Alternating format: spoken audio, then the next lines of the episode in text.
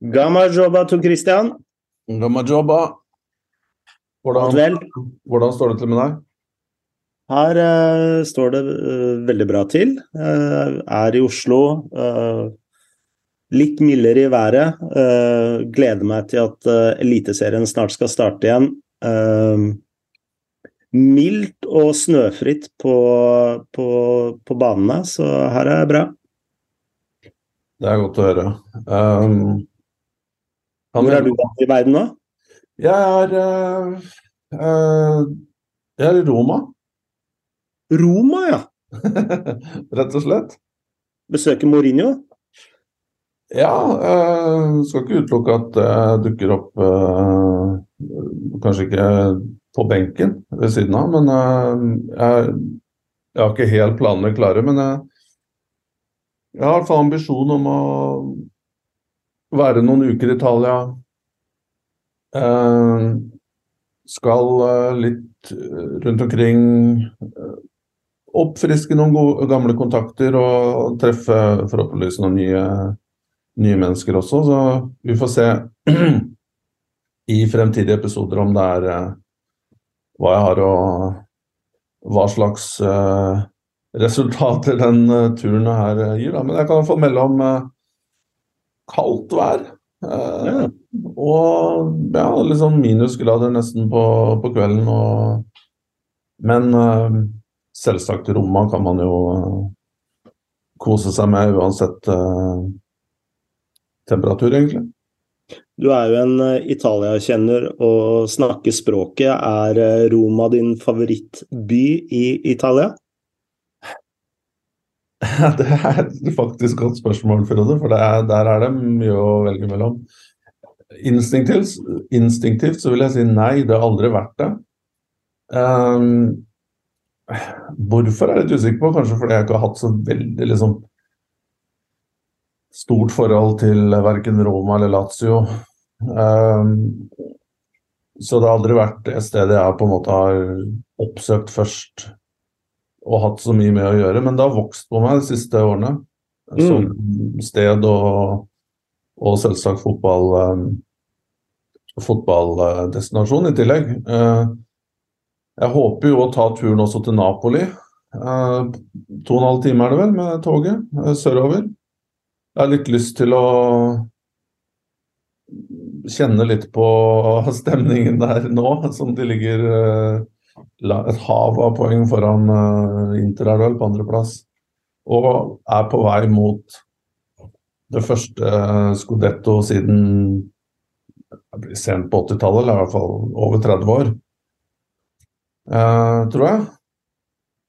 Og selvsagt under ledelse av min gamle venn Spalletti, så jeg hadde jo også håpet å kanskje få være med på trening og, og kikke litt der, selv om jeg tipper at eh, det er ganske stort press rundt akkurat den klubben nå, så vi får se hvor, hvordan jeg lykkes i å få noe innpass der, da, men det har i hvert fall vært veldig, veldig spennende å komme seg på en kamp og kanskje ja, få være litt av, litt av del av stemningen der. Og sjekke opp vår gamle helt, som vi var langt, langt tidligere ute med å calle Kvaratskhelia som toppspiller, Frode, her på georgisk uh, mynt. Og... Det er jo mange år sia. Gammel nytt. Eh, du som har jobba med Spalletti, eh, vi har jo snakka om Spalletti tidligere. Og du, du har jo vi har snakket litt om uh, styrkene hans som, uh, som, trener, og jeg husker du snakka ofte om hvor flink han var til å organisere angrep. Altså nesten litt sånn Nils Arne Eggen-irsk. Uh, men hvordan vil du beskrive han som type? Um, bare for å starte med det første som du ikke spurte meg om, da, så, så, er jo det riktig sånn historisk, og det er det som imponerte meg mest med Spalletti. at um, For Italia sånn i veldig grove trekk så ser man på trenere på Ok, hvis du skal sette inn i to kategori, kategorier, da. Trenere som er dyktige til å sette et godt forsvar og få laget organisert. Som er det enkleste i fotball. Jeg sier ikke at det er enkelt, men det er på en måte krever ikke kanskje så mye kreativitet og Kanskje mer regelbasert? Ja, ikke sant. Prinsipper og, og sånne ting. Um, og så er det trenere som kan det, for det er på en måte fundamentale. Hvis ikke du klarer å sette et forsvar og organisere det, så er det jo nytteløst. Da blir litt sånn Seman, som var dyktig til å eh, organisere Eller skape overtall offensivt. Det var kanskje ikke så mye organisering der, men men det rant jo inn liksom enda flere bakover, og det er jo nytten av det kanskje liten. Um, men det er de trenerne som, som, også er dyktige til å organisere det offensive samhandling. Da. Det er på en måte de som er ansett som de guruene, på en måte. Og Spalletti har jo vært det siden tidlig 2000-tall. Empoli og måten de spilte på som var på en måte første Hva skal jeg si um, Første um, stoppet hvor han fikk oppmerksomhet som trener og pga. det offensive igjen, da, samhandlingen. Mm. Um, men før jeg går over til hva slags type han er, som vi for så vidt også snakka om tidligere, men det lar seg jo gjenta nå som Napoli er uh, på toppen, og vi får jo vi får gjentatte ganger spørsmål om, eh, om Spalletti, så vi kan jo like godt bare ta to år til. og Ikke to år til, men to ord til. Um, og eh, for jeg, jeg, tror det er mange som tenker sånn at Spalletti han har vært rundt uh, i mange, mange år og aldri fått uh, helt sving på ting. Og hva, hvor, hva har det seg til at han nå er der han er. Og jeg har jo vært fra første Roma-perioden. Så vil jeg jo si at han burde kanskje ha eh, fått muligheter enda større klubb enn Roma. Og så er jo Roma en, en klubb der du Ja, altså det, man har jo sett både før og etter Spalletti at det ikke er bare å hente Scudetto. Det er jo fryktelig fryktelig vanskelig. Jeg husker Ranieri beskrev til meg Nei, treff på ordbingoen til eh, en av lytterne våre. Fikk vi pressa inn Ranieri her. Um, så, um, men jeg husker Ranieri sa at, uh, om Roma at det i hans øyne Han har jo vært uh, flere steder. Uh, og at det er den absolutt vanskeligste klubben i i verden, etter hans øyne, å lede. Fordi det er så stort press og forventninger, og media, radiostasjoner, nå da med internett og ja, disse avisene som følger klubben hele tiden. Uh, og litt tynga av historie, være en kjempestor klubb, hovedstad, alt mulig. Gjør det veldig vanskelig å håndtere. Så det er jo veldig få trenere som egentlig har fått det til der. Men det jeg skulle fram til, er at Spalletti kanskje etter, eller da han var i Roma første perioden her, så tror jeg mange med meg følte at han var klar for noe enda større. Men så lyk lyktes det jo ikke, og som med alle andre så fikk han jo sparken etter hvert i Roma første perioden her òg. Så gikk han vel da til eh, jeg husker ikke om han gikk direkte til Zenit etter det, og så vant han jo og var, skapte jo et utrolig godt lag der. Mm. Og etter det så var det jo Inter og Roma 2 og, øh, og litt øh, Jeg husker ikke helt andre ting, men han øh, jeg, jeg, jeg, tror litt tynga at han ikke snakker så veldig bra engelsk. Uh, og at han er litt sånn Og nå kommer vi til personligheten. At han er litt veldig egenrådig og har veldig klare prinsipper over hvordan, hvordan uh, han jobber. Og er Han er veldig sær, da. Han er ikke sånn den klassiske italienske treneren som de som har gått til England, som er veldig sånn flinke til å markedsføre seg selv i media. Er litt suave. Ja, altså det er gjerne den type trenere da, som på en måte jeg forstår hva, hva du Ja. mener. Jeg tenker på Manzini jeg med en gang. Ja, jo. Man kan jo også sette Angelotti inn der, og Ja, er riktig.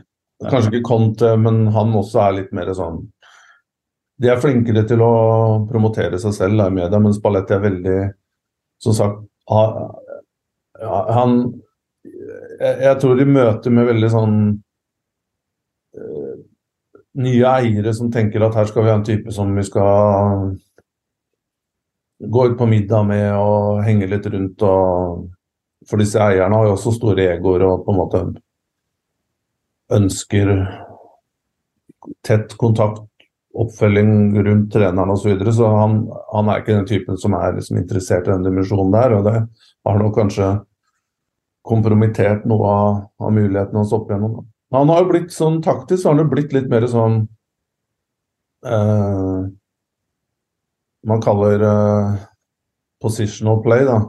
I stedet for rigide samhandlingsmønstre, så har han blitt mer sånn utnytte Finne de riktige Identifisere riktig eh, rom offensivt. Mm.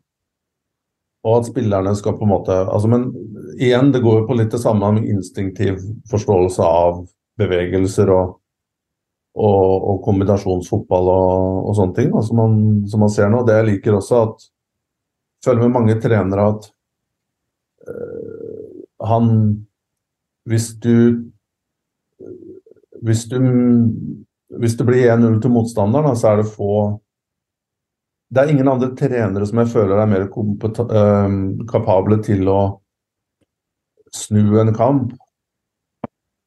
Og selv om du spiller mot et lag som ligger veldig lavt, så er det veldig mange strenger å spille på da, til å, til å klare å komme deg inn i kampen igjen og utmanøvrere motstanderen. Han, han, det er ikke bare plan A, det er B og C og D. Mm. Så Men nå har han kanskje spillere også til å eh, til å, la de få også litt mer spillerom. ja, det, Det. Ja, det ser man jo, selv om det utrolige her er jo, det har vi vært, inne på i tidligere at i fjor sommer så kokte det jo helt vanvittig Napoli. Fordi man solgte Kolibali til Chelsea, Mertens eh, gikk til Tyrkia. Eh, og flere andre nøkkelspillere som forsvant. Mm. Og da var det litt sånn Man var ikke så veldig kjapt i gang med å finne erstattere, og de som kom inn, bl.a. Kvaratskhelia, ble ikke sett på som liksom Hva er dette her, er det en oppgradering? Mm. Og jeg husker jo det var en sånn supportertreff, tror jeg, eh, i juli, sent i juli, tidlig i august.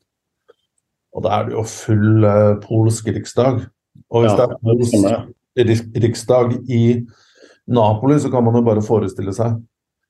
Uh, og det var ikke måte på hvor ubrukelige både ledelsen var og Spalletti som på en måte hadde latt dette her skje.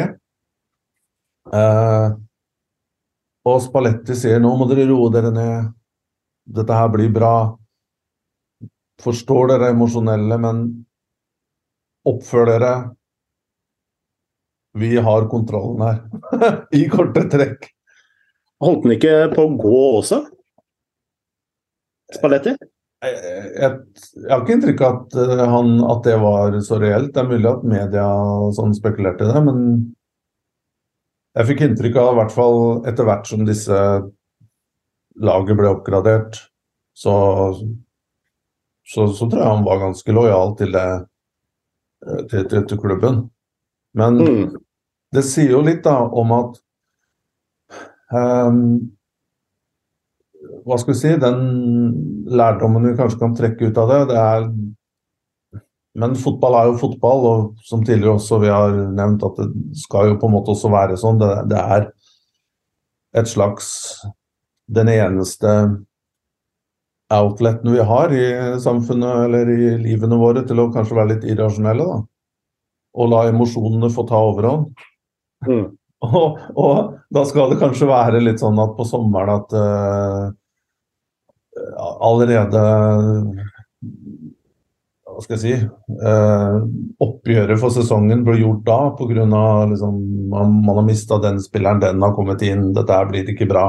Man ser, fokuserer kanskje altfor mye på overganger og ikke, ikke hva en trener eventuelt kan få ut av kollektivet. Da. Så det, det er kanskje en leksjon eller en slags eh, Kanskje en liten lærdom der, da, at man skal roe seg ned litt og Mm. og, se, og se det an først. Det som er litt eh, spennende med Napoli nå, det er jo at det, altså det er en klubb som har solid eh, økonomi, og så sitter de uh, F.eks. Kvaratskhelia, han sitter vel på en kontrakt ut juni 2027. Så, så, de sitter på veldig mange gode spillere som de ikke trenger å selge heller. Ja, den kontrakten... Det kan jo bare være starten på, på en eh, slags eh, liten periode med dominans, da. Ja, det kan det jo fort være. Absolutt. Eh, den Kvaratskelia-kontrakten ble forlenga allerede en måned etter han signerte, tror jeg, når man så at dette her er Han her er enda bedre enn det vi, vi trodde. Og, og, så har du Osimen i, i tillegg, mm. som er ja, 100 millioner euro pluss spiller. Um, midtstopperen der fra Sør-Korea som har vært helt vanvittig bra. Så nei, du har helt rett at sett i kjølvannet av de andre klubbene og økonomien, både Milan og Juventus, inntil til en viss grad, som er de store utfordrerne. Roma som på en måte prøver og prøver, men aldri får liksom helt helt uh, taket på det. Så Og som du sier, Um, Napoli som heller ikke er i en situasjon hvor de må selge. fordi de hadde jo tilbud hver eneste sommer på Kolibali de siste årene. Mm.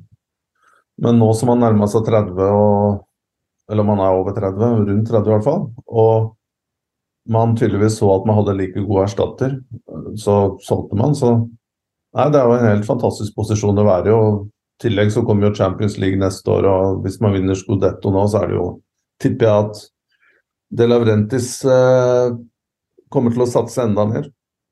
Mm. Ja, det blir spennende. Eh, vi var jo innom eh, Manzini, og han har jo faktisk en liten rolle i eh, alt det som skjer eh, utenomsportslig med Manchester City, som eh, nå igjen er i hardt vær pga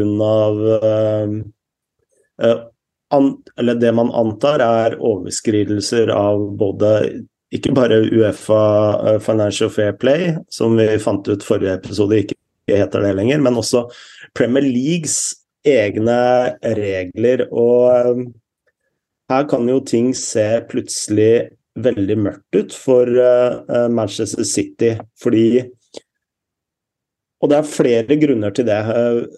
For det første så kan jo Eller en av årsakene til at eh, Manchester City blei eh, frikjent uh, til slutt i Kass, det var jo at veldig mye av det bevismaterialet som, som kom fram da særlig gjennom Football Leaks, ikke var gyldig og blei ble ikke en del av, av saken i Uefa og Kass. Men med tanke på Premier League, så vil jo alle disse lekkasjene være tilgjengelig og brukes som, et, uh, brukes som bevis. Da. Uh, hva tenker du om uh, hele dette sammensuriumet rundt Manchester City akkurat nå? Nei, det Det Hvor skal man egentlig starte, da? Um, fra utsiden i hvert fall så ser det ut som at det er en klubb her som har uh, Som har uh, tatt seg veldig store friheter. Um, og Men jeg for min del synes at det er veldig vanskelig å, å kommentere det. altså litt det, det, er interessert å vite, eh, bare følge opp til det, noe informasjon som du sa der. Eh, på hvilket grunnlag er disse avsløringene som har kommet gjennom Football Leaks, eh, på hvilket grunnlag er de gyldige Gyldige. i Premier League og ikke i CAS? Har du noe eh, informasjon om det? Ja, det er fordi Premier League er en såkalt privat institusjon, og de kan gjøre akkurat som man vil. Eh, men eh, i, i, altså, da, man må kanskje gå helt tilbake til uh, opprinnelsen av Football Leaks. Og det som er veldig kritikkverdig med disse dokumentene, det er jo at de Én ting er at de har kommet til veie ved hjelp av hacking. Eh, men de har jo også blitt brukt eh, til utpressing mm. av, eh, av både spillere, agenter og klubber og, og, andre aktører. Og det setter jo også et slags spørs, spørsmålstegn ved troverdigheten til disse, til disse dokumentene. Når man har hatt et økonomisk incitament da, til å bruke dokument, dokumenter for å tjene seg selv. Så det, det, er jo det kritikkverdige her, da, og det er vel en av de tingene advokatene til City kommer til å argumentere for overfor Premier League. Men og det skal også sies at uh, Manchester City sier jo nå at det er såpass mye feil i disse anklagene som Premier League har kommet med, og at dette er et slags uh, hastverksarbeid. Og så kan man jo også argumentere for at det ville de ha sagt uansett. men Det tok jo fire år å lande på noe her. ja, og det taler, taler, for noe helt annet. men når jeg ser og leser de dokumentene, så uh, eh, syns jeg disse dokumentene virker veldig troverdige. Uh, så uh, på én side skal det overraske meg veldig, og da særlig den dokumentasjonen de har rundt uh, denne sponsoravtalen med Etiad. Den virker jo veldig bunnsolid, altså den dokumentasjonen de har. Uh, og det, og det, bare for å si litt om hva den innebar. Det var jo at de hadde vel en sponsoravtale på 67 millioner pund, som da Manchester City fikk da fra Etiad. men i bakhånd så fikk Etiad jeg lurer på om det var 58 eller 59 millioner pund fra staten Emiratene. Eh, så det eh, så, avsløringene går på at disse sponsorinntektene da ikke er reelle.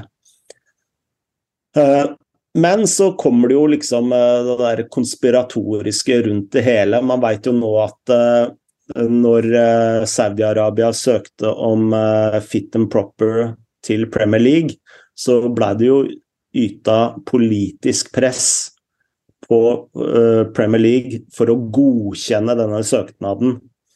Og jeg tror jeg at noe sånt nå kommer til å skje denne gangen her òg.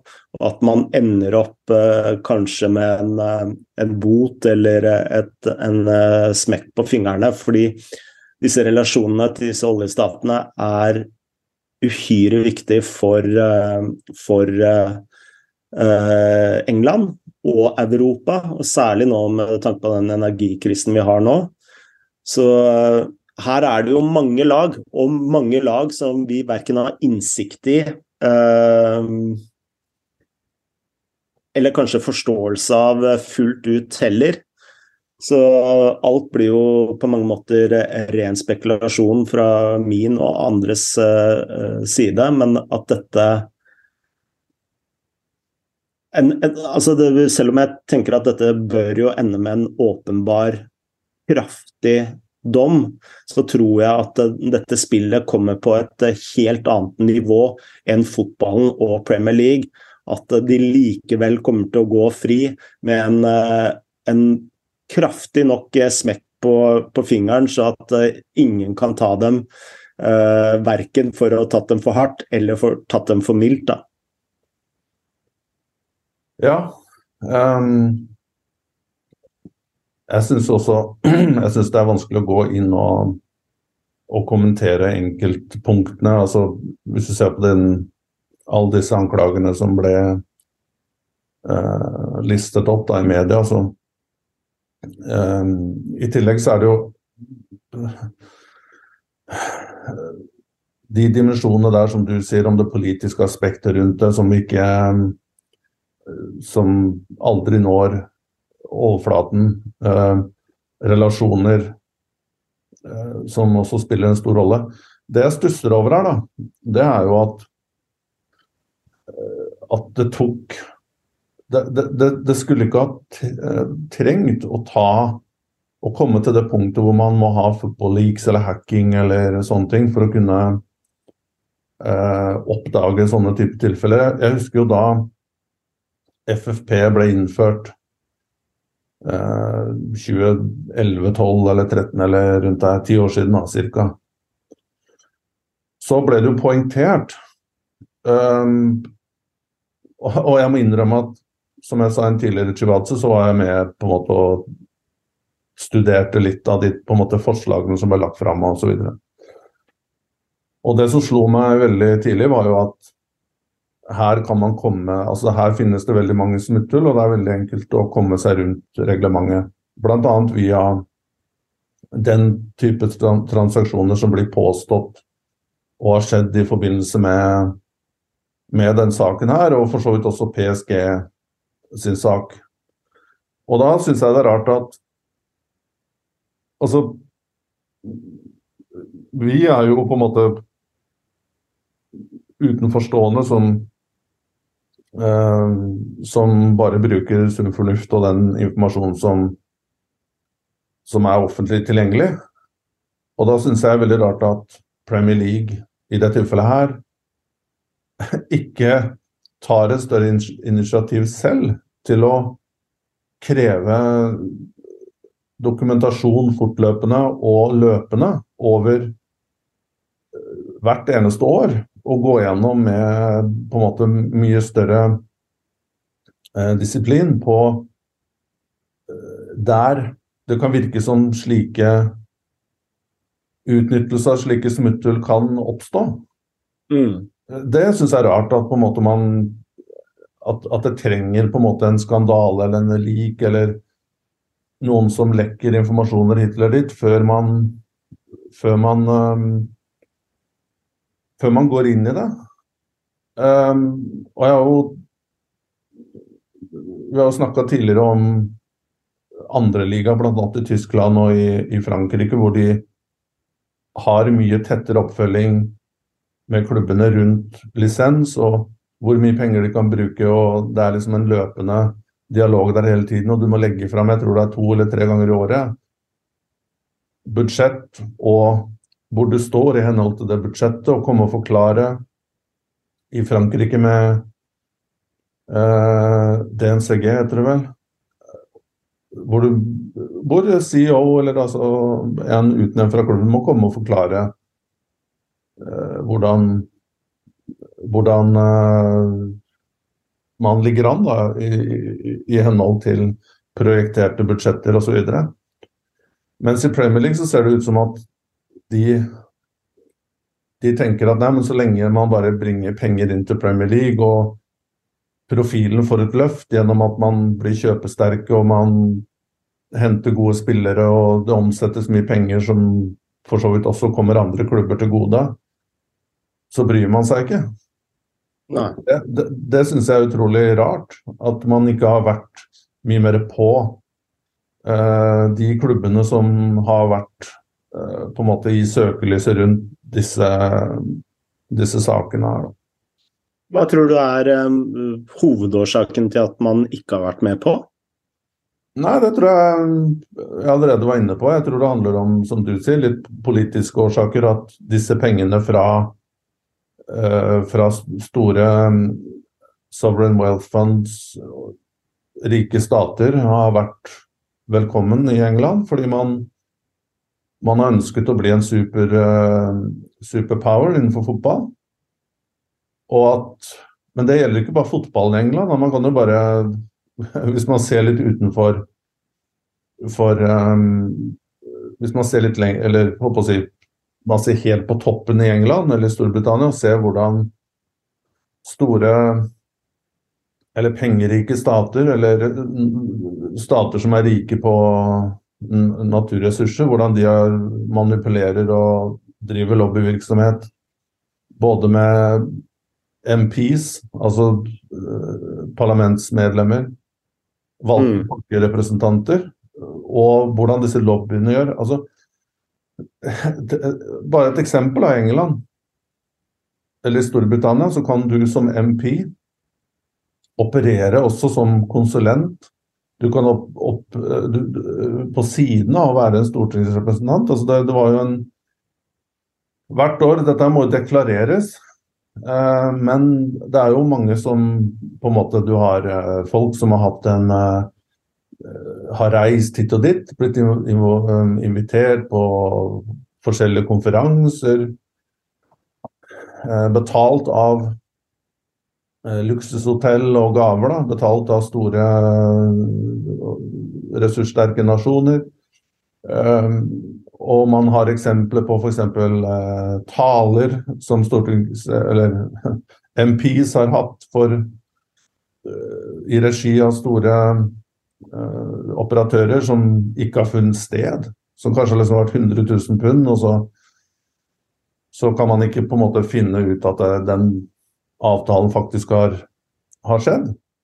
Mm. Eh, man hadde jo en eh, Eh, man hadde jo et tilfelle der ganske nylig hvor en MP talte altså Dette er jo på opptak på bånd, dette ble gjort i parlamentet. Hvor et medlem, jeg eh, tror det var en Tory, som snakker ganske aggressivt om dette eh, Og dette er bare ett av mange eksempler.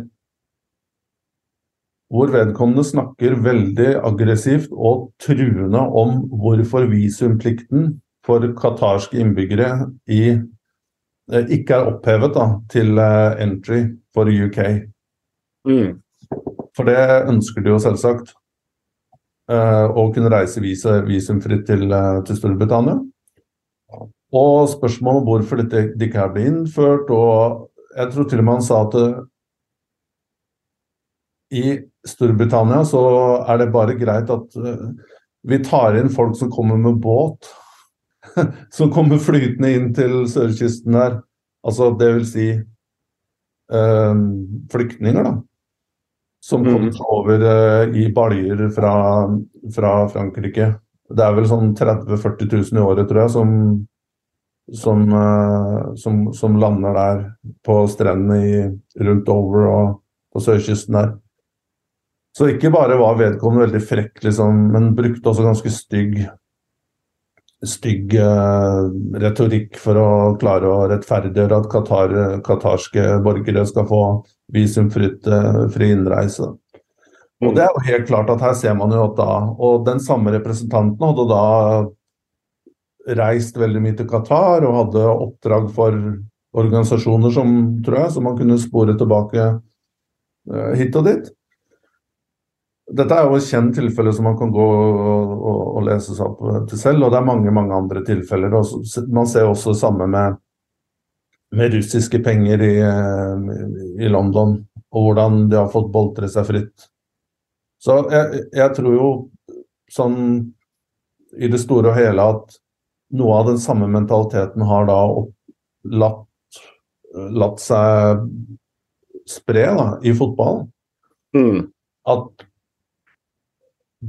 det er så store summer og så ekstremt stor rikdom i disse landene som man kan da filtrere inn i engelsk fotball. At man ikke ønsker å legge så mange hindringer rundt det. Det er det jeg kan tolke det som.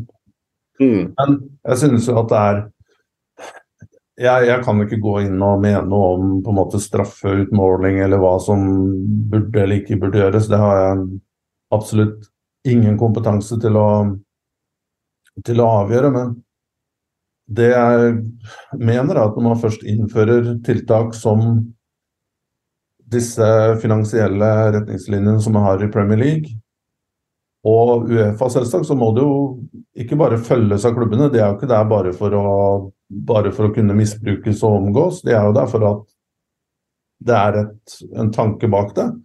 Mm. I tillegg så burde jo også disse lovgivende organisasjonene som er ansvarlige for, uh, for uh, competitions, de burde jo være langt mer på å følge opp Uh, de har jo tilgang til å spørre om regnskap, og de kan komme og spørre om altså Det er jo ikke noen begrensning for hva de kan gjøre. Så det er jo ganske utrolig at man ender opp i den situasjonen som, som man er nå. Mm. Kan jo legge til at uh, nå er det jo uh, flere arresterte i Europa uh, anklaget for korrupsjon til fordel for Qatar. Eh, både eh, folk som sitter i EU-parlamentet, eh, e lederen for ILO, som det var mye snakk om i forkant av Qatar-VM. Så du, så er, den, den, korrupsjonen, den, den, går jo også ganske bredt. Eh, men du, du, har tidligere vært inne på at eh, når du jobba i Monaco, så opplevde du at eh, disse kontrollmekanismene, og da særlig fit and proper og økonomi, var mye strengere i Frankrike enn det du opplevde i England. Har jeg forstått deg rett da? Og tror du at hadde City vært i Frankrike, at dette ville vært eh, oppdaget eh, tidligere fra ligahold? Ja, jeg var jo allerede inne på det med DNCG. og Jeg brukte jo allerede nå tidligere i resonnementet at Frankrike var et eksempel på langt eh, strengere oppfølging rundt budsjetter og, og, og økonomi. Men det er klart at og så kan man jo også se på PSG sin rolle innenfor øh, fransk fotball. Det er jo klart at der har man jo også tillatt um, Eller sett mellom fingrene på ting, da, men jeg, jeg, tror ikke det er de som nødvendigvis er ansvarlig i dag. Dette her går jo tilbake til, til VM uh, 2010 og Platini sin rolle. og En del av den uh, mm. En del av den pitchen var jo også at Qatar skulle kjøpe PSG og investere i fransk fotball osv. Så, videre. så klart Ting har jo skjedd der også. Men sånn prinsipielt og etter vanlig praksis så skal man Så er det for mitt inntrykk at eh, at det er eh, strengere oppfølging i Frankrike. og Man, man ser også, som du er inne på med Newcastle og Saudi-Arabia, hvordan de fikk fit and proper Altså, man hører hele tiden øh, Og at man ikke fant forbindelse mellom dette øh, fondet som, som, kjøpte Newcastle og til den saudiarabiske stat. Jeg skal ikke gå inn på å uttale meg om å si, hva, hvordan de forbindelsene er, men mange hevder jo at det er helt klare forbindelser der, øh, så vidt jeg forstår. Mm. Men jeg tror eh, jeg, jeg, har ikke sagt at nødvendigvis at det handler om korrupsjon i Premier League, men det handler om at man eh, ønsker velkommen til økonomi. Da. At man ønsker eh, at innflukt av penger, som igjen vil styrke prof profileringen til ligaen og gjøre den mektigere og mektigere, at det har fått en overordnet betydning og langt større betydning i Premier League og England enn det de kanskje burde ha hatt. da. Det er vel uh, mine, mine, umiddelbare tanker om det. Mm. Men det er jo interessant å se at uh, Italia, for en gangs skyld, så, så var det jo veldig kjapt ute med Ikke kjapt ute, det var også en, um, en prosess som pågikk i halvannet år, tror jeg, med Juventus. Og der har det også skjedd andre ting. på en måte Vi som vi snakka om en tidligere Chivadze, hvor med Moji og disse dommer påståtte dommer, dommerbestikkelsen og alt det på 2000-tallet. Og hele den eh, hvor alt egentlig bare rant ut i sanden og fikk veldig få konsekvenser sånn for de som var involverte. Juventus ble jo, ble jo flytta ned. Mm. Men, men, straffen til slutt ble jo langt mildere enn den som først ble, ble idømt. Uh. Så får vi se på Juventus nå hva som skjer der, men noe av det Juventus har blitt dømt for her, uh, det er jo at man har uh, ja, påstått feil, levert feil dokumentasjon, altså budsjetter og regnskap. Og Det er også en del av de anklagene som City også står overfor. Og Juventus ble da trukket 15 poeng, så, men det er jo umulig å sammenligne dette. og jeg, Som sagt, jeg har ikke god nok kompetanse til å uttale meg i en eller annen retning. Bortsett fra, som jeg sier, at prinsippene her burde være klare og burde gjelde for alle. Og, og fordi noen har veldig mektige backere bak seg, så, så, skal jo ikke det bety at, de, de, at spillereglene eh, forandres. Mm. Eh, vi har fått et spørsmål fra Anders Hole, og han lurer på qatarske fremstøt mot Manchester United, og kanskje i Liverpool også. Hvordan kan to klubber eid av Qatar konkurrere mot hverandre på Champions League-nivå? En av de versus PSG. Kommer vi til å se bare oljeklubber om 20 år? Se gjerne litt i spåkula. Eh, jeg kan kanskje begynne med å si at eh, eh, nei. To klubber som er eid av samme person eller samme selskap, kan ikke møtes, møte hverandre i europeiske konkurranser. Eh, men samtidig så er jo dette også eh, enkelt å omgå. Du nevnte tidligere om at man ikke klarte å finne en link mellom eh, saudi-arabiske stat og eh, da dette investeringsselskapet som eier klubben på papiret. Og dette, man, ja, og dette kan man jo også lett unngå ved å bare opprette to ulike selskap. Mm. Så uh, her, og her finnes det jo også løsninger. Um, men det som um, Det som også har kommet nå i de siste dagene, det er jo en ny runde med Superleague. Uh, og der kan det jo kanskje gjøre at uh, Uefa også ser litt uh, mellom fingrene med dette med tanke på eierskap, uh, for å komme på riktig side av uh, superligadebatten eller konflikten, nær sagt. Ja, det, vi blir jo aldri kvitt den superligaen. Det, det, det bare kommer tilbake sånn De gir jo aldri opp. Um, så, Nei, det er helt utrolig.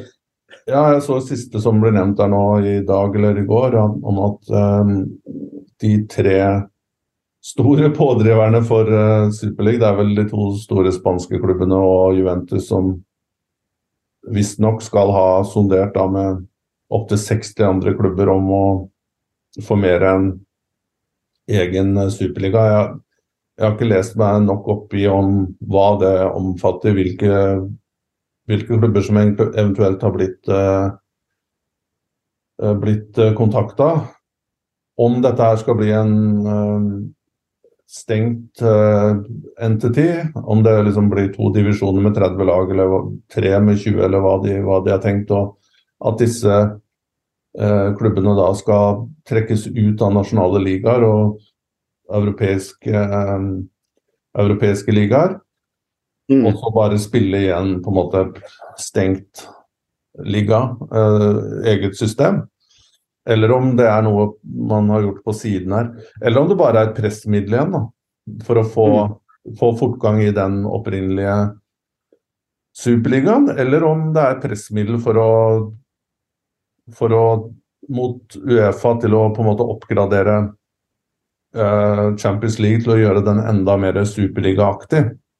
Mm. Det har jeg ikke helt forstått, men i bunnen her så ligger det jo et ønske om at de store skal ha mer, og at man skal For å oppnå det, så må man begynne å uh, messe med de systemene som vi har hatt gående i ja, holdt på å si opp til nå.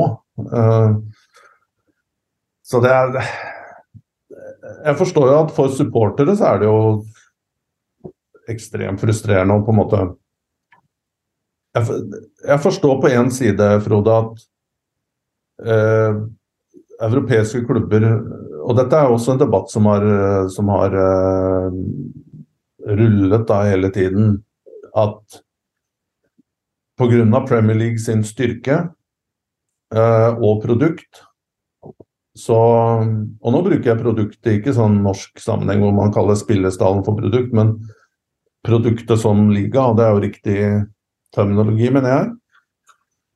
Og at Premier League har blitt så mektig og så styrende at andre på kontinentet må komme opp med andre løsninger for å gjøre seg konkurransedyktige. Mm. Uh, men det er jo også måter å gjøre dette her på. Men jeg syns jo Og noe av det mest Vet du hva, Noe av mitt store problem, ikke problem, men noe som på en måte irriterer meg litt, da, det er sånn i, i, fotballdebatter, spesielt med sosiale medier, det er sånn resirkulering av eh, temaer. Og det er hele tida sånn Ja, men nå har Premier League blitt den nye superligaen. det, det, sa man allerede for nesten to år siden, da superligaen ble, ble uh, rasert. Da var det allerede Ja, men Premier League er jo allerede superliga. Så etter hvert overgangsvindu etter det, så er det ja, Premier League er den nye superliga. Mm. Uh, ja, vi har hørt det nå. Um, men Premier League er jo ikke en superliga, for det er superliga i mine øyne og hele ideen med superliga. Uh, ja, Premier League har blitt så mektig at det skaper utfordringer for andre ligaer. Helt, helt klart. Og det har vi også diskutert og gått gjennom gang på gang på gang. Mm. Vi hadde bl.a. en episode fra i fjor eh, på sensommeren. Jeg, jeg lurer på om det var 1.9., det var dagen etter eh, etter overgangsvinduet stengte i fjor høst. Så folk kan jo gå inn og høre litt på den episoden her, for da diskuterer vi veldig sånn eh, styrkeforholdet mellom ligaene og hvordan det har oppstått osv. Ja.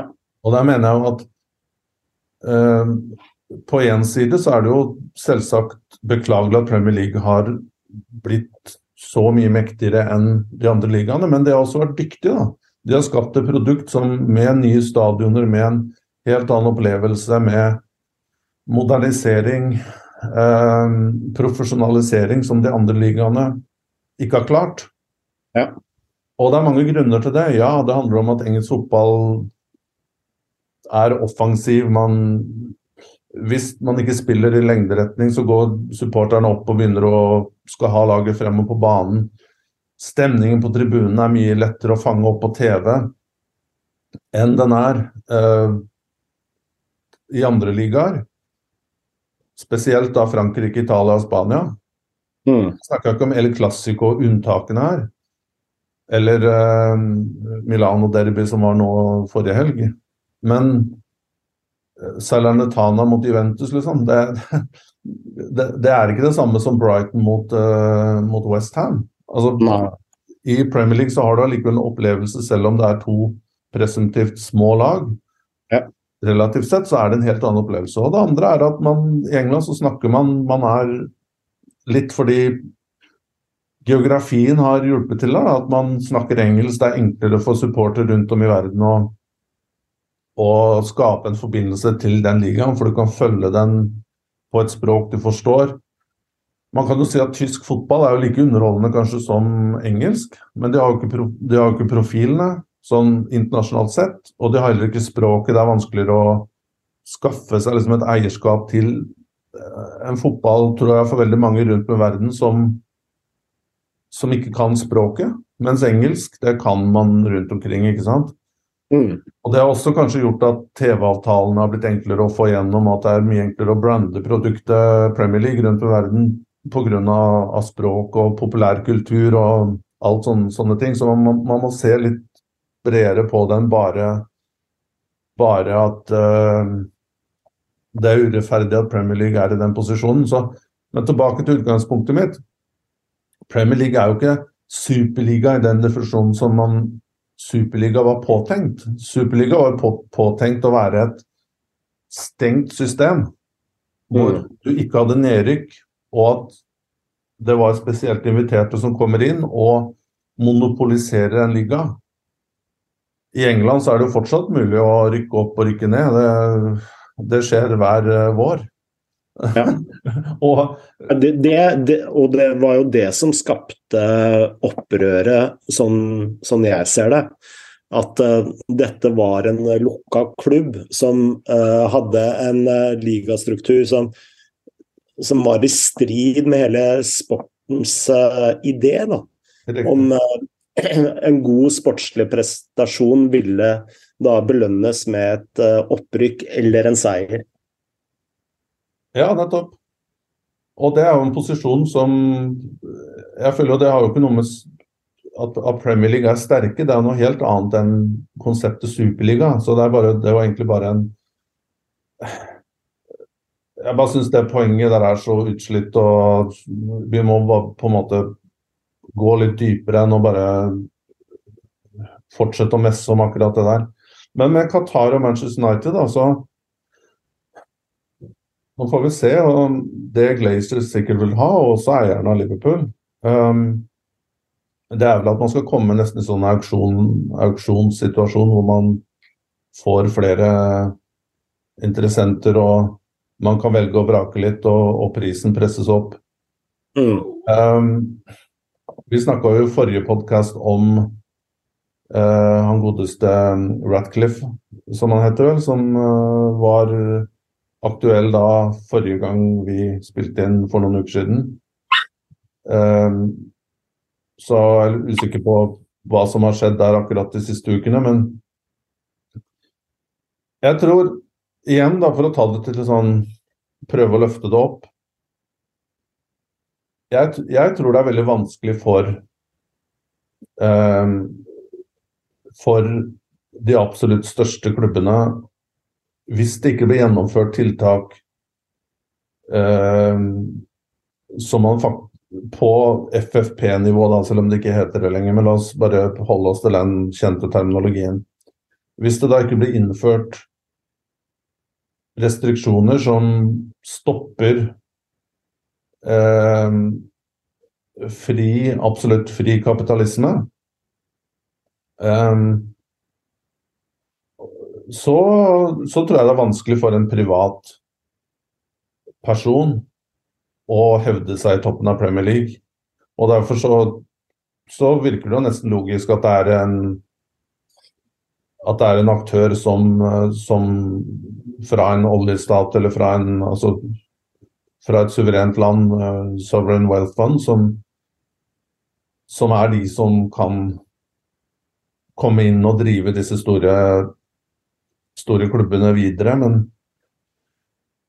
men når det er sagt, så tror jeg også at Liverpool og Manchester United er i en annen situasjon. At de trenger ikke nødvendigvis Nå snakker jeg litt mot meg selv her, merker jeg. men hvis de omstruktureres på litt annen måte, altså man har sett disse summene som Glazers har tatt ut av klubben i form av renter og lån, mm.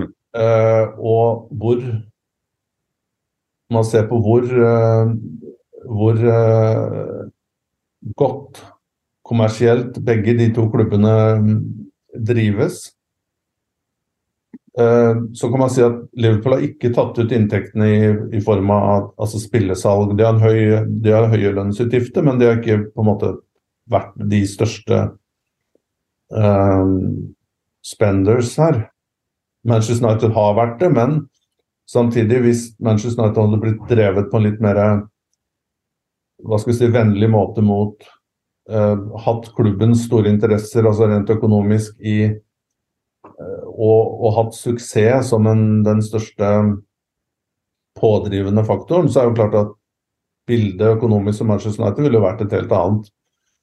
Så hvis det er én klubb som kanskje kan lykkes, til tross for um, og nødvendig, ikke nødvendigvis ha en sånn ekstremt eh, affluent backer som, som kan pumpe inn hvor mye penger de ønsker, så er det jo, er det jo Manchester United, tror jeg. Men så kan man også stille seg spørsmål, da. Um, hvor rettferdig er det? Um, FFP ble jo Det ble jo stemt Det ble godkjent av de store klubbene, og ideen med det var jo at man skulle opprettholde til en viss grad status quo. Og at man ikke ønsket da nye aktører på banen til å blande seg inn i på en måte det som var da topp fire, og som etter hvert har blitt topp, eller de store fire, eller noe som har blitt topp, de store seks, kanskje. Og snart sju?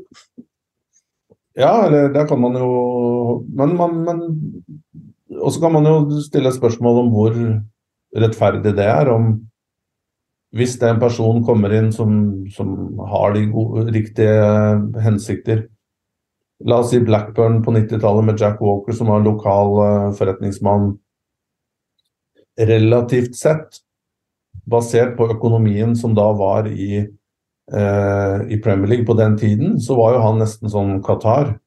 Mm. altså, I størrelsesorden de, de, de, brakk jo, eller de, de knakk jo overgangsrekord. Uh, ene etter andre med Shearer, og det var 17, og det var store signeringer som relativt sett, og proporsjonalt sett, bare to streker under det, var var øh, holdt på å si på linje med det som disse store statseide klubbene øh, til en viss grad har nå. Og det var jo et eventyr i seg selv. Og det var ikke så veldig store protester tilbake på 90-tallet fordi nettopp det var en lokal person som elska klubben, som gjorde det. Jeg er ikke tilhenger av et system som bare forblir rigid, og at det ikke lenger skal være mulig å Jo, selvsagt, du kan gjøre som Brighton og Brentford og, og, og bygge sten på sten og være smart og ha ha mindre press enn de andre og klare å gjennom bruk av teknologi og smarte signeringer og ansette dyktige mennesker, bygge ut stadionanlegg, gjøre sånne fornuftige grep. liksom Igjen, jeg har brukt uttrykket før, men litt sånn SimCity-tankegang. Det, det, er også mulig, men alle kommer ikke til å klare det. Det er mange som prøver på akkurat det, men det, det, det er ikke så enkelt. Så i hvilken grad skal man da eh, på en måte forby da, at andre skal få melde seg på gjennom å Gjennom en uh, Gjennom å Ja. Uh, gjennom increased pengebruk. Hva mm. tenker du om det? Jeg jeg tenker at det, altså det, det, må være et regelverk der som uh, på en eller annen måte sikrer at uh, det er en viss konkurranse Altså at det er en, en, sportslig konkurranse som ligger til bunn, og ikke bare økonomien. men samtidig, det har vi jo i dag. Problemet er jo håndhevelsen av et allerede eksisterende eh, regelverk.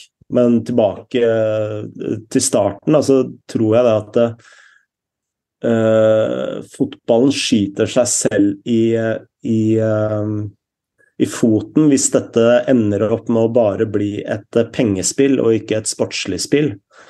Eh, og hvis det blir sånn at eh, du må ha en oljestat i ryggen for eh, å kunne konkurrere på det aller høyeste nivået, så tror jeg også interessen for, eh, for sporten kommer kom til å dale. For det er noe sånn derre iboende uh, Iboende i hvorfor man uh, elsker fotball, da. Og det handler jo handler jo om konkurransen. At det er en spenning. altså Du var inne på Tyskland uh, her for litt siden. og nå, Jeg skal komme til et uh, argument som uh, også sier imot meg selv. da. Fordi når du prøver også å gjøre dette helt rettferdig, så kan det jo også forårsake at det ikke blir noe konkurranse.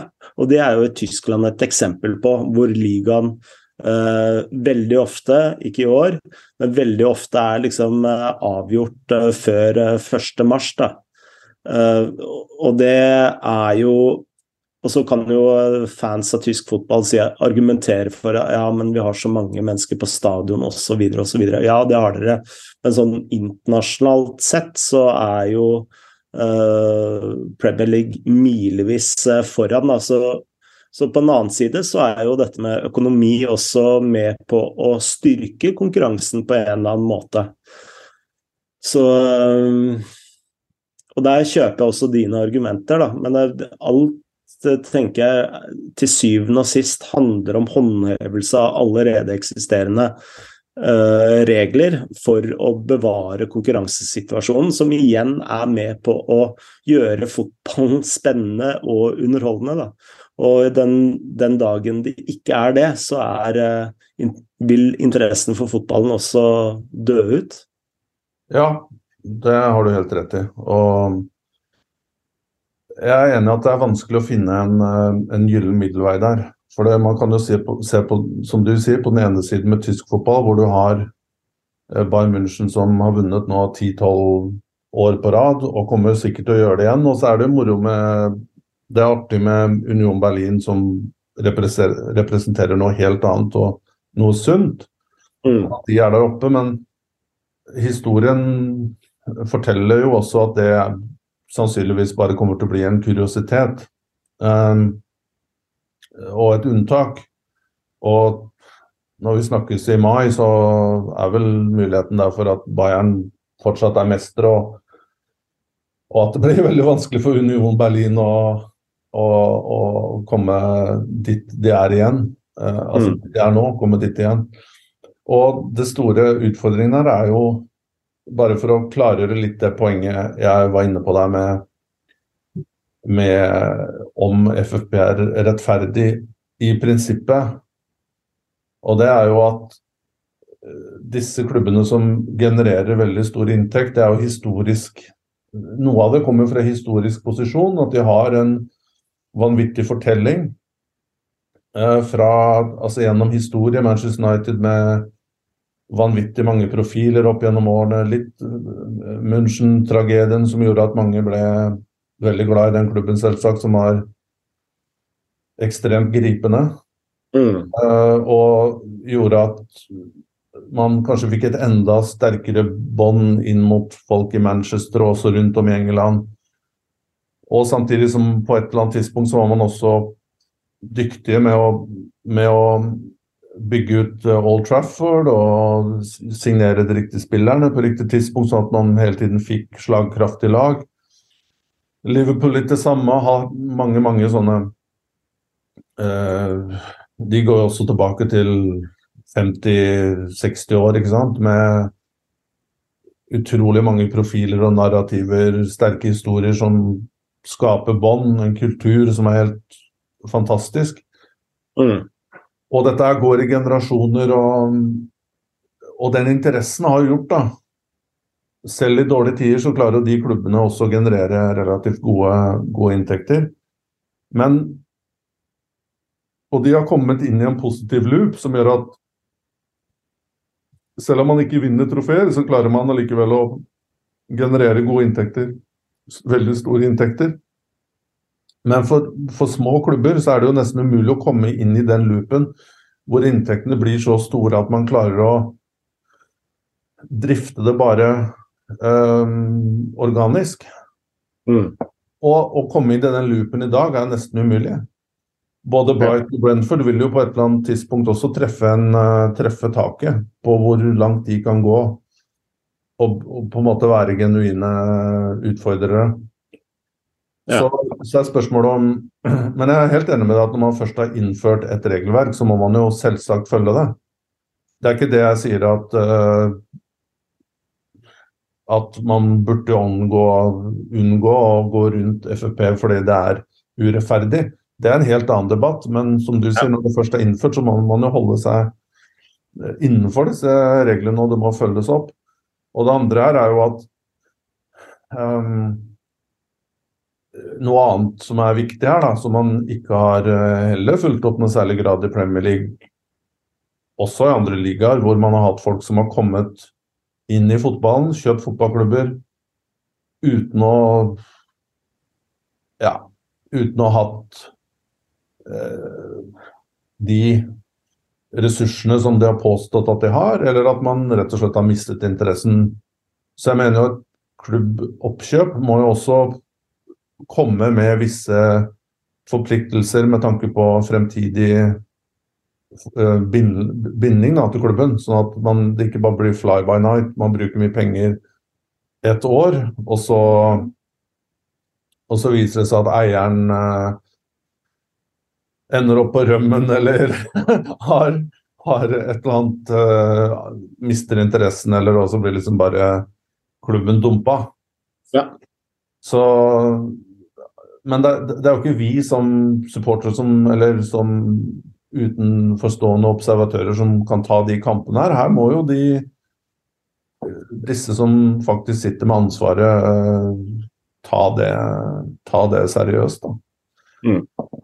Men, uh, men, jeg vil også bare si om Tyskland at mange glemmer jo også at og det er vel og bra, man har billige, man har billige billetter og man har en, en fantastisk fanopplevelse i Tyskland også. Det er jo absolutt ingen tvil om. Men det er et land med 80 millioner innbyggere. Det er uh, England så har du 35, 40, 50 Jeg er litt usikker, 45 eller noe sånt. Mm. og uh, i Italia så har du 50, eller Spania altså Både Frankrike, Italia og Frankrike har kanskje 6, da, men Tyskland er jo et voldsomt stort land med store innbyggere. og Det skulle jo på en måte bare også mangle at ikke de med den historien og billige billetter, at de klarer å fylle disse stadionene. Mm. Uh... vi begynner å gå tom for tid, men vi må snakke litt om norsk eh, fotball også. Og Fredrik A, eh, eller Klemperen som han kaller seg på Twitter, han lurer på hvis dere måtte hoppe i bilen og kjøre til Sverige fordi kona deres skulle føde, ville dere skrudd av telefonen? Og svaret på det, Fredrik, nei, det ville jeg ikke ha gjort. Og det han sikter til, da, det er jo eh, hele denne Lajoni-saken. Uh, hvor det kom nå en uh, sak på TV 2, skrevet av Arila Sberg Olsada og Eirik Nesse Gjelvik. Hvor han skriver at grunnen til at Vålerenga da ikke har fått beskjed om at han ikke møter på trening, var fordi kona fødte. Uh, nå ser det ut som hele denne sagaen uh, går mot en slutt. Uh, han er nå lånt ut til, til Australia og Western Sydney Wonders. og vi har fått en del spørsmål om akkurat dette her. Og det er en del som lurer på hvordan f.eks. Sander Hamre lurer på Eh, hvordan vi ville ha forholdt oss eh, til en slik eh, sak. Kanskje begynne med deg, TK? Jeg har, jeg har faktisk mista litt oversikten uh, rundt uh, Lajoni-situasjonen der. Jeg, jeg, fulgte den fram til et visst punkt. Jeg så det var interesse fra keeper også uh, i litt i samme moment hvor han var Hadde vært fraværende på trening. Um, så jeg har ikke det fulle og hele bildet. Men det, det som virker litt rart, er jo at jeg vil jo tro at uh, Vålerenga, uh, sånn som jeg kjenner de den klubben, og, eller hvilken som helst annen klubb i Norge eller andre steder i verden, mm. ville ikke hatt noe problem med en spiller som At, at en spiller uh, får fri Eh, hvis det er tatt gjennom riktige kanaler og korrekt informasjon er oppgitt, så vil jeg jo tro at både ja, Fagermo og Espeseth og altså de ville ha gitt grønt lys og si håper dette er går bra og vær hos kona di. Og så ses vi når når familien er Når alt er i orden og, og mor og barn er hjemme igjen. Det, mm eh, så jeg, jeg forstår ikke Og det er jo ikke det, er jo ikke sånn i dag at vi mangler på kommunikasjonsmidler til å klare å informere klubben om de enkle faktaene her. Så her er det noe, er det noe informasjon som jeg har som jeg har um, gått glipp av her, eller hva? Jeg er bare Nei, forvirret- eh, jeg er forvirret ikke i over hele opplegget her. Altså Bakteppet her er jo at uh, i fjor så ville jo Bodø-Glimt ha Lajoni tilbake. Samtidig som Vålerenga ikke ville fornye kontrakten, uh, kontrakten uh, hans.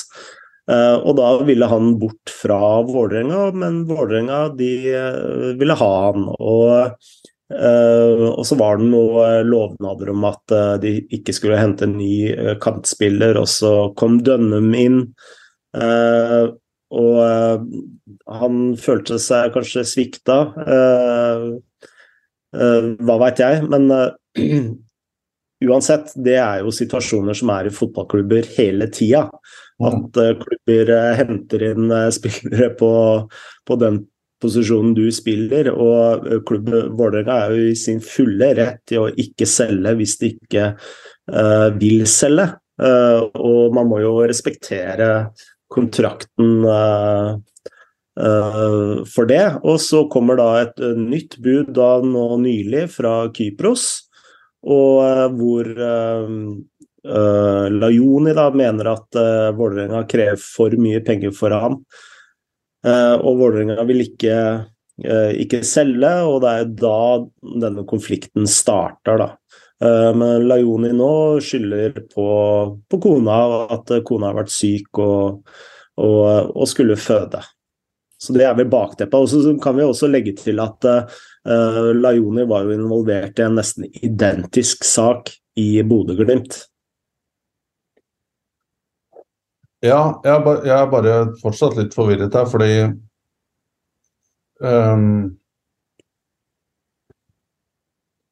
Faktaene her, hvis jeg har forstått det riktig, det er, jo, det er jo på en måte ikke noe At kona til Lajoni skal, ehm, skal føde, er jo vanskelig å Det må jo være et faktum her, går jeg ut ifra. Det er et faktum. Ja. Um, og Men stammer det Er det to forskjellige situasjoner her? Er det den første situasjonen med Kypros hvor, hvor han ønsket en overgang til Kypros? Um, dette er jo tross alt et par uker siden.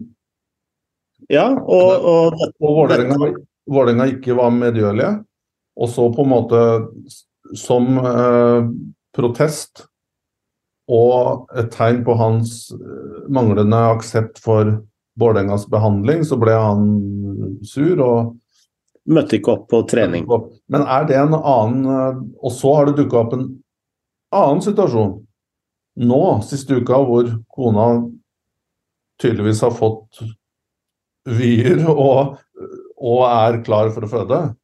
Ja, altså han uh, sier at uh, for et par uker siden så uh, hadde kona det veldig vondt, så han valgte å bli med henne. men sånn jeg kan lese ut av de sakene jeg har lest, så er ikke det noe Vålerenga har blitt informert om.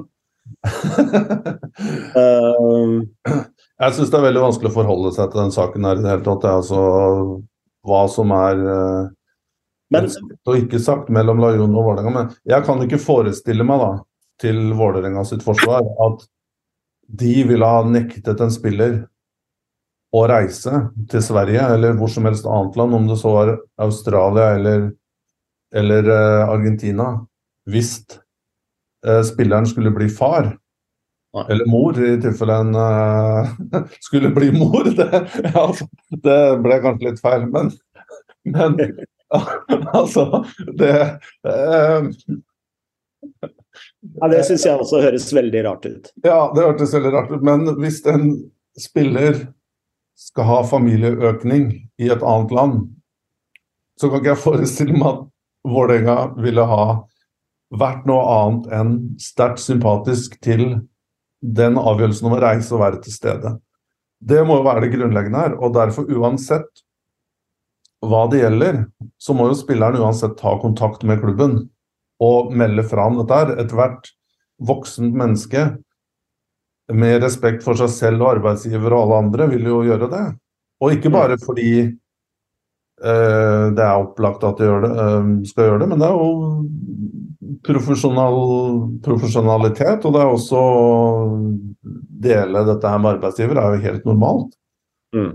Så jeg bare syns det er helt men jeg, jeg, tør ikke, jeg tør ikke spekulere i om dette har blitt brukt til eh, pressmiddel på en eller annen måte, eller om man ønsket å holde tilbake informasjon for å, for å få gjennom andre ting som ikke har noe med, med familiesituasjoner. I så fall så er jo det uh, ugreit, i mine øyne.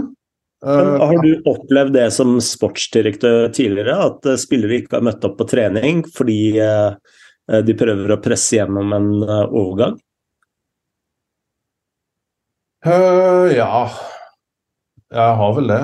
Um, Hvordan takler man det på best mulig måte, sånn i etterpåklokskapens navn? Det er jo um,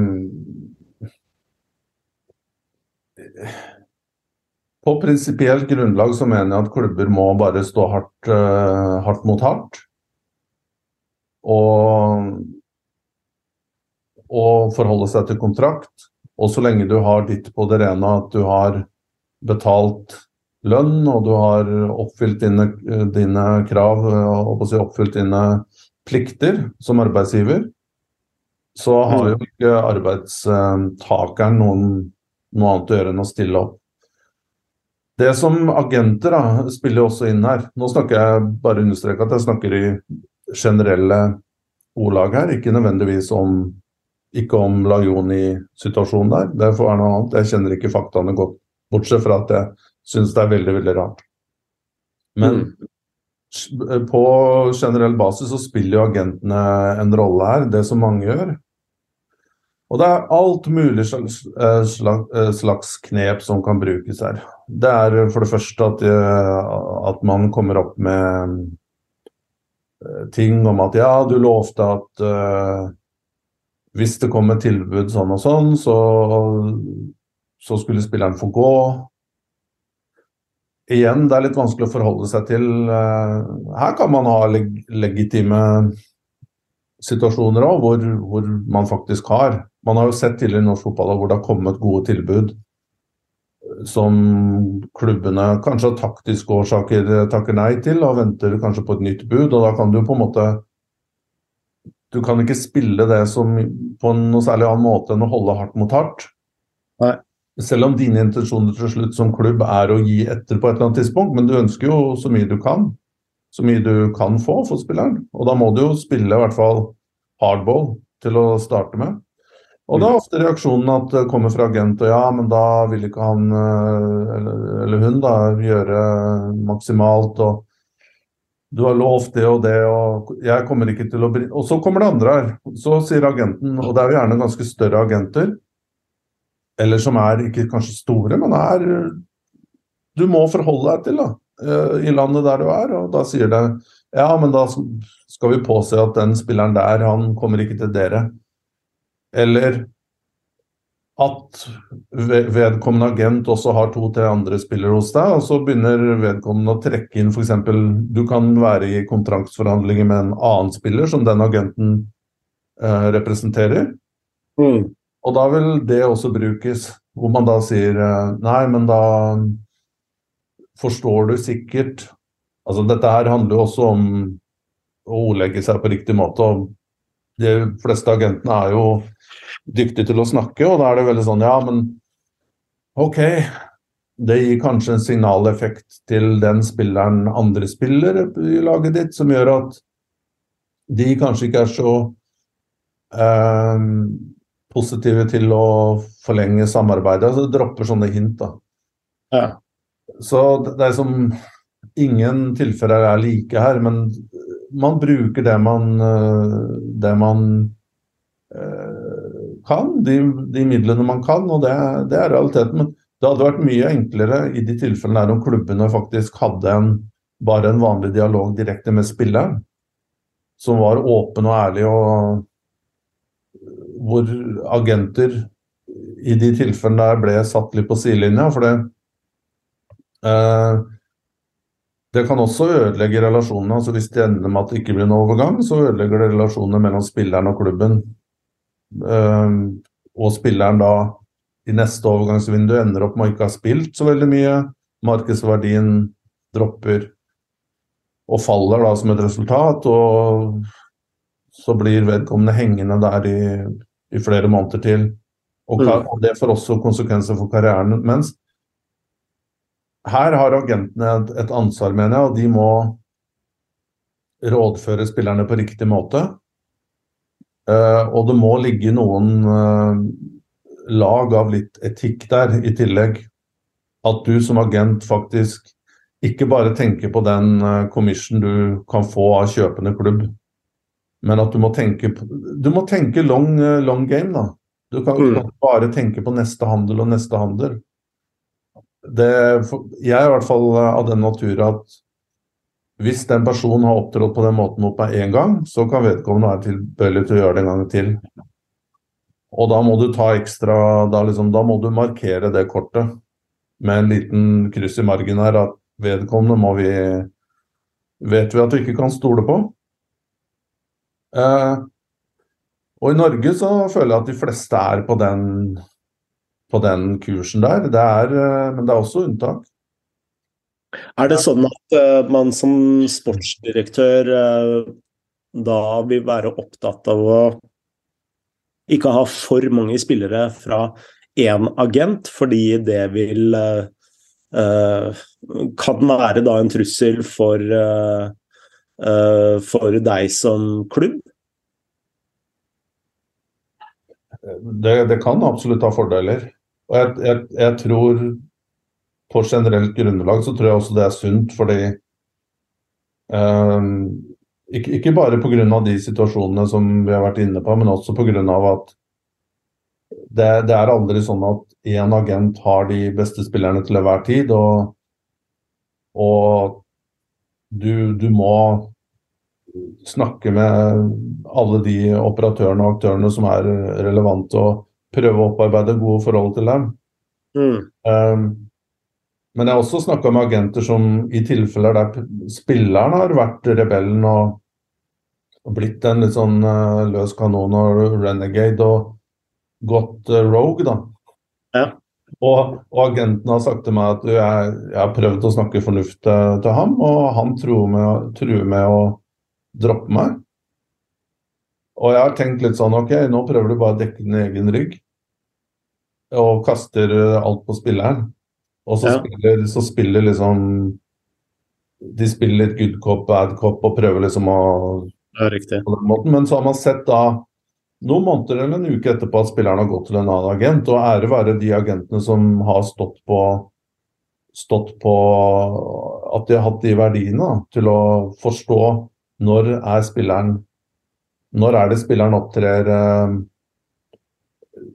uverdig og er unreasonable i, i tankegangen. Mm. Men dette her er en sånn evig eh, greie som dukker opp hele tiden og er noe du bare må bli vant til å prøve å, prøve å håndtere. Jeg, jeg, jeg, tror det beste man kan gjøre i den type situasjoner, det er å ta et møte så kjapt som mulig med spilleren og agenten. Mm. Og, og, og, prøve å ha en åpen dialog og sette seg inn i situasjonen og å, få fram fakta fra begge sider. Og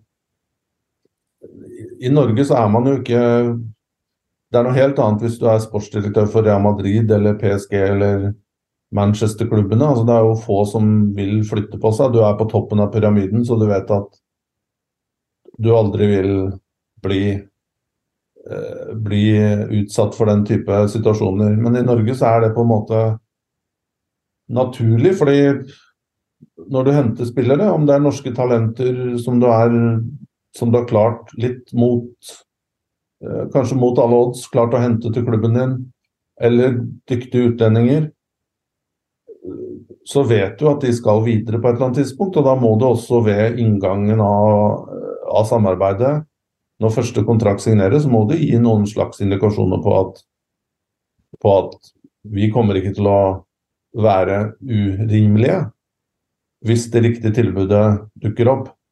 Mm. Og så er det jo inter interpretasjonen og tolkningen av urimelig. Den er jo veldig vanskelig å sam samles om, fordi en spiller vil jo Spilleren tenker jo første omgang på, på sine Det han, eh, eventuelt hun, har å hente i, hos neste klubb. Mm. I form av lønn.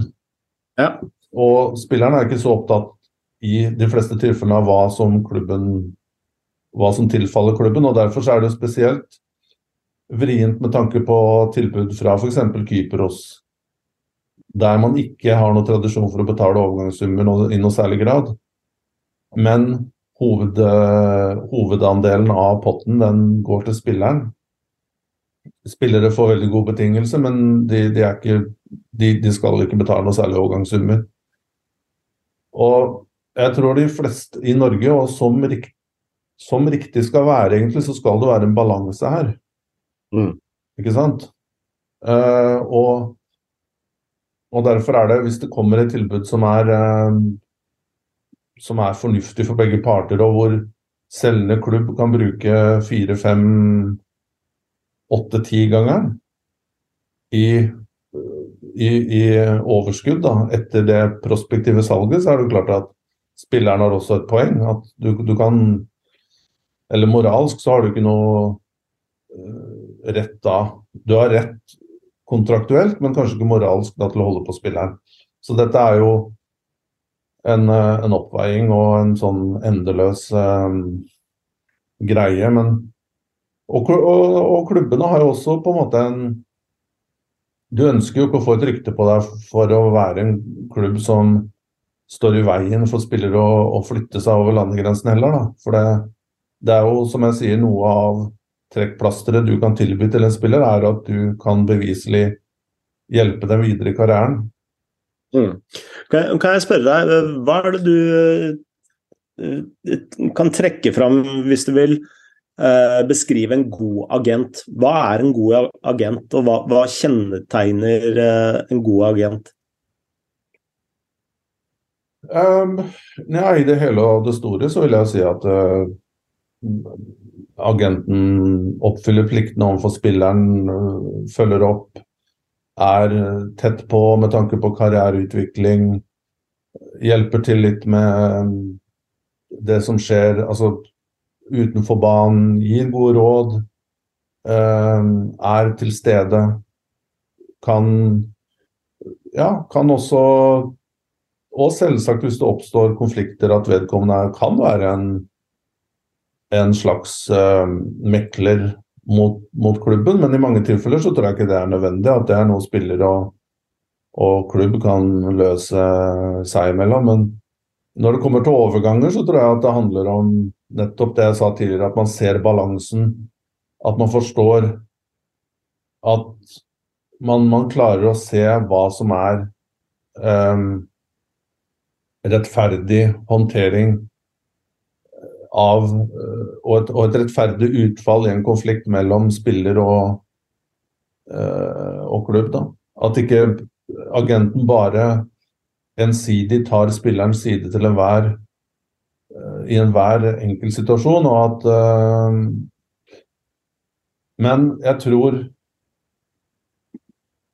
og så handler det litt om hvilken gjennomslagskraft agenten har overfor spillerne. Noen er jo mer svakere på det punktet enn andre, men at man kan si tydelig fra at jeg skal ikke representere spillere som streiker. Vi skal løse dette her på en annen måte.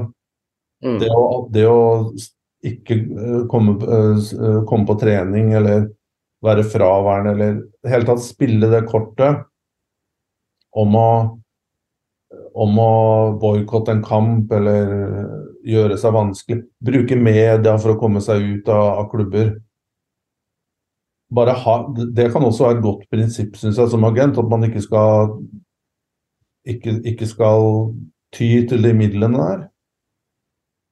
Det For det, i det lange løp så tror jeg, ikke, tror jeg ikke du har noe å vinne på. Det det er liksom Ting pleier å Du vinner noen, og du taper noen, og til slutt så, så balanserer det seg ut. Og Norge, da, hvis vi skal holde oss til uh, hjemlige trakter, så vil jeg også si at Norge er såpass lite land at du er avhengig av å ha gode relasjoner til alle og operere innenfor et visst etisk oppegående regelverk. Da. Eller mm. prinsipper. Det, det, vil jeg si er uh, være ryddig og ordentlig. Jeg tror generelt i livet så er vel det gode, gode og, og, ikke, ikke prøve å være Og jeg har sagt til agenter også i Norge og i Sverige at så har jeg sagt ikke, ikke prøv å være Mino Rajala. Og jeg forstår at dere ser opp til disse gutta her, og eh, ser opp til George Mendes og ser liksom hvor kule de er, og de tør å sette hardt mot hardt mot klubben, og de er liksom litt sånn Litt gangs, ikke gangster i den forstand, altså, men det er litt sånn streetwise og tøffe og kule person personligheter.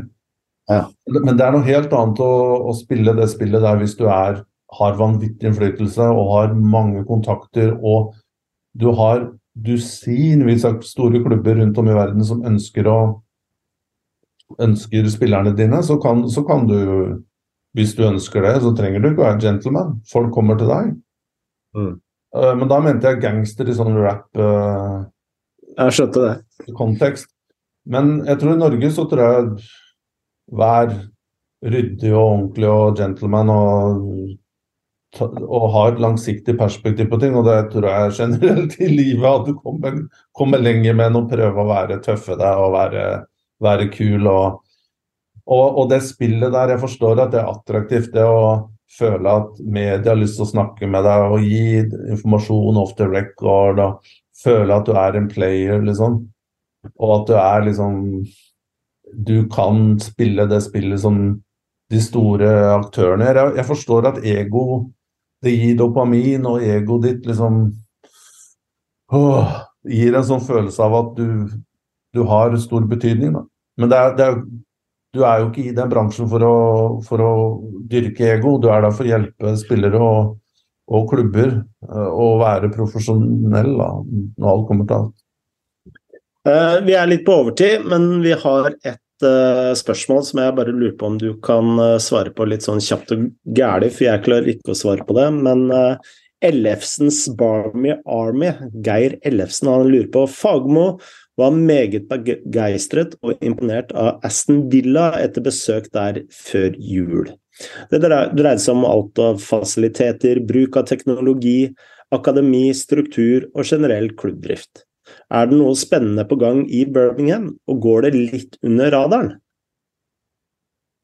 Um, ja, det vil jeg si. Um, at, at det har gjort. Um,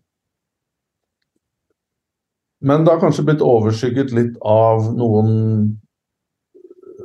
mislykkede beslutninger. Altså jeg tenker Steven Gerrard, at han ble Man kanskje gikk for navn fremfor um, hva skal jeg si, kompetanse, om man vil. da. Um, og at man gikk for en PR-ansettelse, og at den måten klubben det underliggende, at det ble satt litt i skyggen pga. de resultatene som den ansettelsen ga, eller ikke ga. Men eh, jeg kjenner ikke til Aston Villa så veldig godt fra innsiden, men, men jeg har inntrykk av at Johan Lange, som er sportsdirektøren der, eh, var jo tidligere assistenten til Ståle Solbakken i Wolverhampton, og de, de hadde vel også jobbet sammen tidligere i FCK. Um, virker som en for meg veldig klok og ryddig type. Uh, og så vidt jeg vet, så har han jo også tatt med seg folk fra FCK, bl.a. i uh, Analytics-teamet, uh, Performance. så jeg tror i hvert fall at det er veldig mange dyktige mennesker som jobber litt i det skjulte der. Mm. Eh, og så vet ikke jeg hvor mye eier og eh, La oss si de på styret osv. Hvor mye de tror på det når det virkelig monner. da. Og hvor, hvor eh, mye disse dyktige menneskene ble koblet på da man f.eks. ansatte den siste treneren, Lopetegi. Mm. Um, men at de, de, de, har i hvert fall tenkt riktig og har, har veldig dyktige folk der i organisasjonen. Det er jeg helt sikker på. Jeg, jeg, jeg er spent på imidlertid hvor kanskje en dag vi kan få med oss Fagermo. Uh, men jeg er jo interessert i å høre hvor, hva han tenker om, om disse tingene her. Altså For det første at, at det kanskje er andre mennesker enn en hovedtrener som, som bygger klubb. Eh, og eh, hva han tenker om analytics, bruk av tall, bruk av eh, ja, alt mulig teknologi inn mot ikke bare spillerkjøp, uh, men også med tanke på uh, hvor mye av dette han er bruker i sin hverdag til uh, kampanalyse, og hvor mye av tallene Altså hvor dypt man går i tall for å forstå hvilke spillere som skal brukes uh, hvor på banen, og hvordan man skal sette sammen dette, dette teamet. Mm.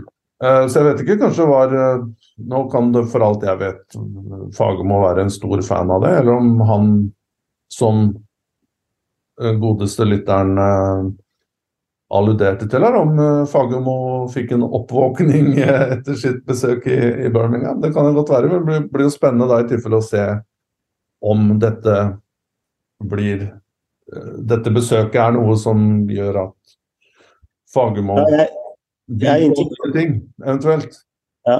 Jeg intervjua jo Fagermo for et par år siden, og da hadde han akkurat vært og besøkt Leeds uh, under Bielsa.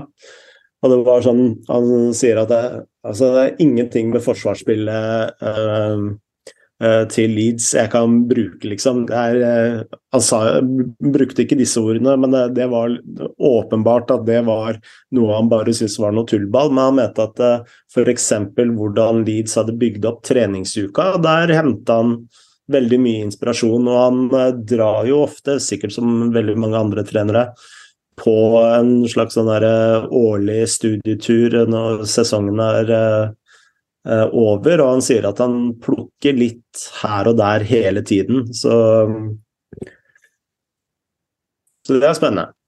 Jeg er litt spent på hvor, før vi avslutter, jeg, er litt spent på hvor, hvor mye man klarer å øh, hente av øh, impulser de fleste trenere, uansett hvilken alder du er, om du er på vei opp og nyutdannet slutten av 20-årene, eller om du er uh, godt voksen, så, så, har du jo uansett et grunnprinsipp og noen grunntanker uh, og et fundament som du som ligger i bunn. Hvis ikke så er det jo bare en som flyter rundt, og så drar du til Leeds, og så drar du til ja, det var fantastisk, her må vi bruke noe Og så drar du til Brighton, og så er det samme der. Og så drar du til å besøke Spalletti i Napoli, og så er det Altså, det kan jo ikke være sånn at du på en måte tar beste fra de beste, og så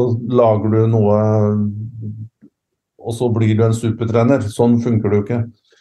Så det er jo små tweaks eventuelt, da. Jeg mener jo at det viktigste for en trener som er på vei oppover, er jo å ha et ha et eget uh, bilde av hvordan en klubb skal det sportslige skal drives, hvordan et taktisk uh, konsept som, som, alltid må selvsagt oppdateres og tweakes og, og jobbes med og utfordres.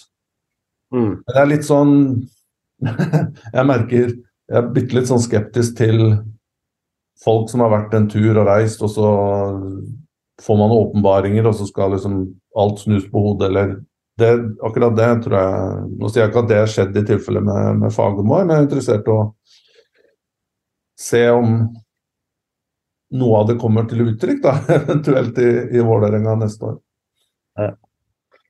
Jeg tror vi er i mål, Tor Kristian. Uh, og uh, før vi runder av, så må vi jo takke våre patrions. Uh, det har kommet en del nye patrients, og vi er jo ekstremt takknemlige for alle som velger å støtte podkasten. Det setter vi utrolig pris på. så takk for det. Ja, jeg vil bare kaste meg på den hyllesten der av våre patrients. Tusen takk for Tusen takk til dere som støtter via Patron. Og vi kommer til å by på enda mer uh, ekstramateriale utover uh, vår og sommer der. Og tusen takk også til dere som engasjerer dere, lytter og sender, sender innspill. Det er satt veldig stor pris på. Da sier vi som vi alltid sier her på Shivatse, gamma joba, og ha en fortsatt fin uke.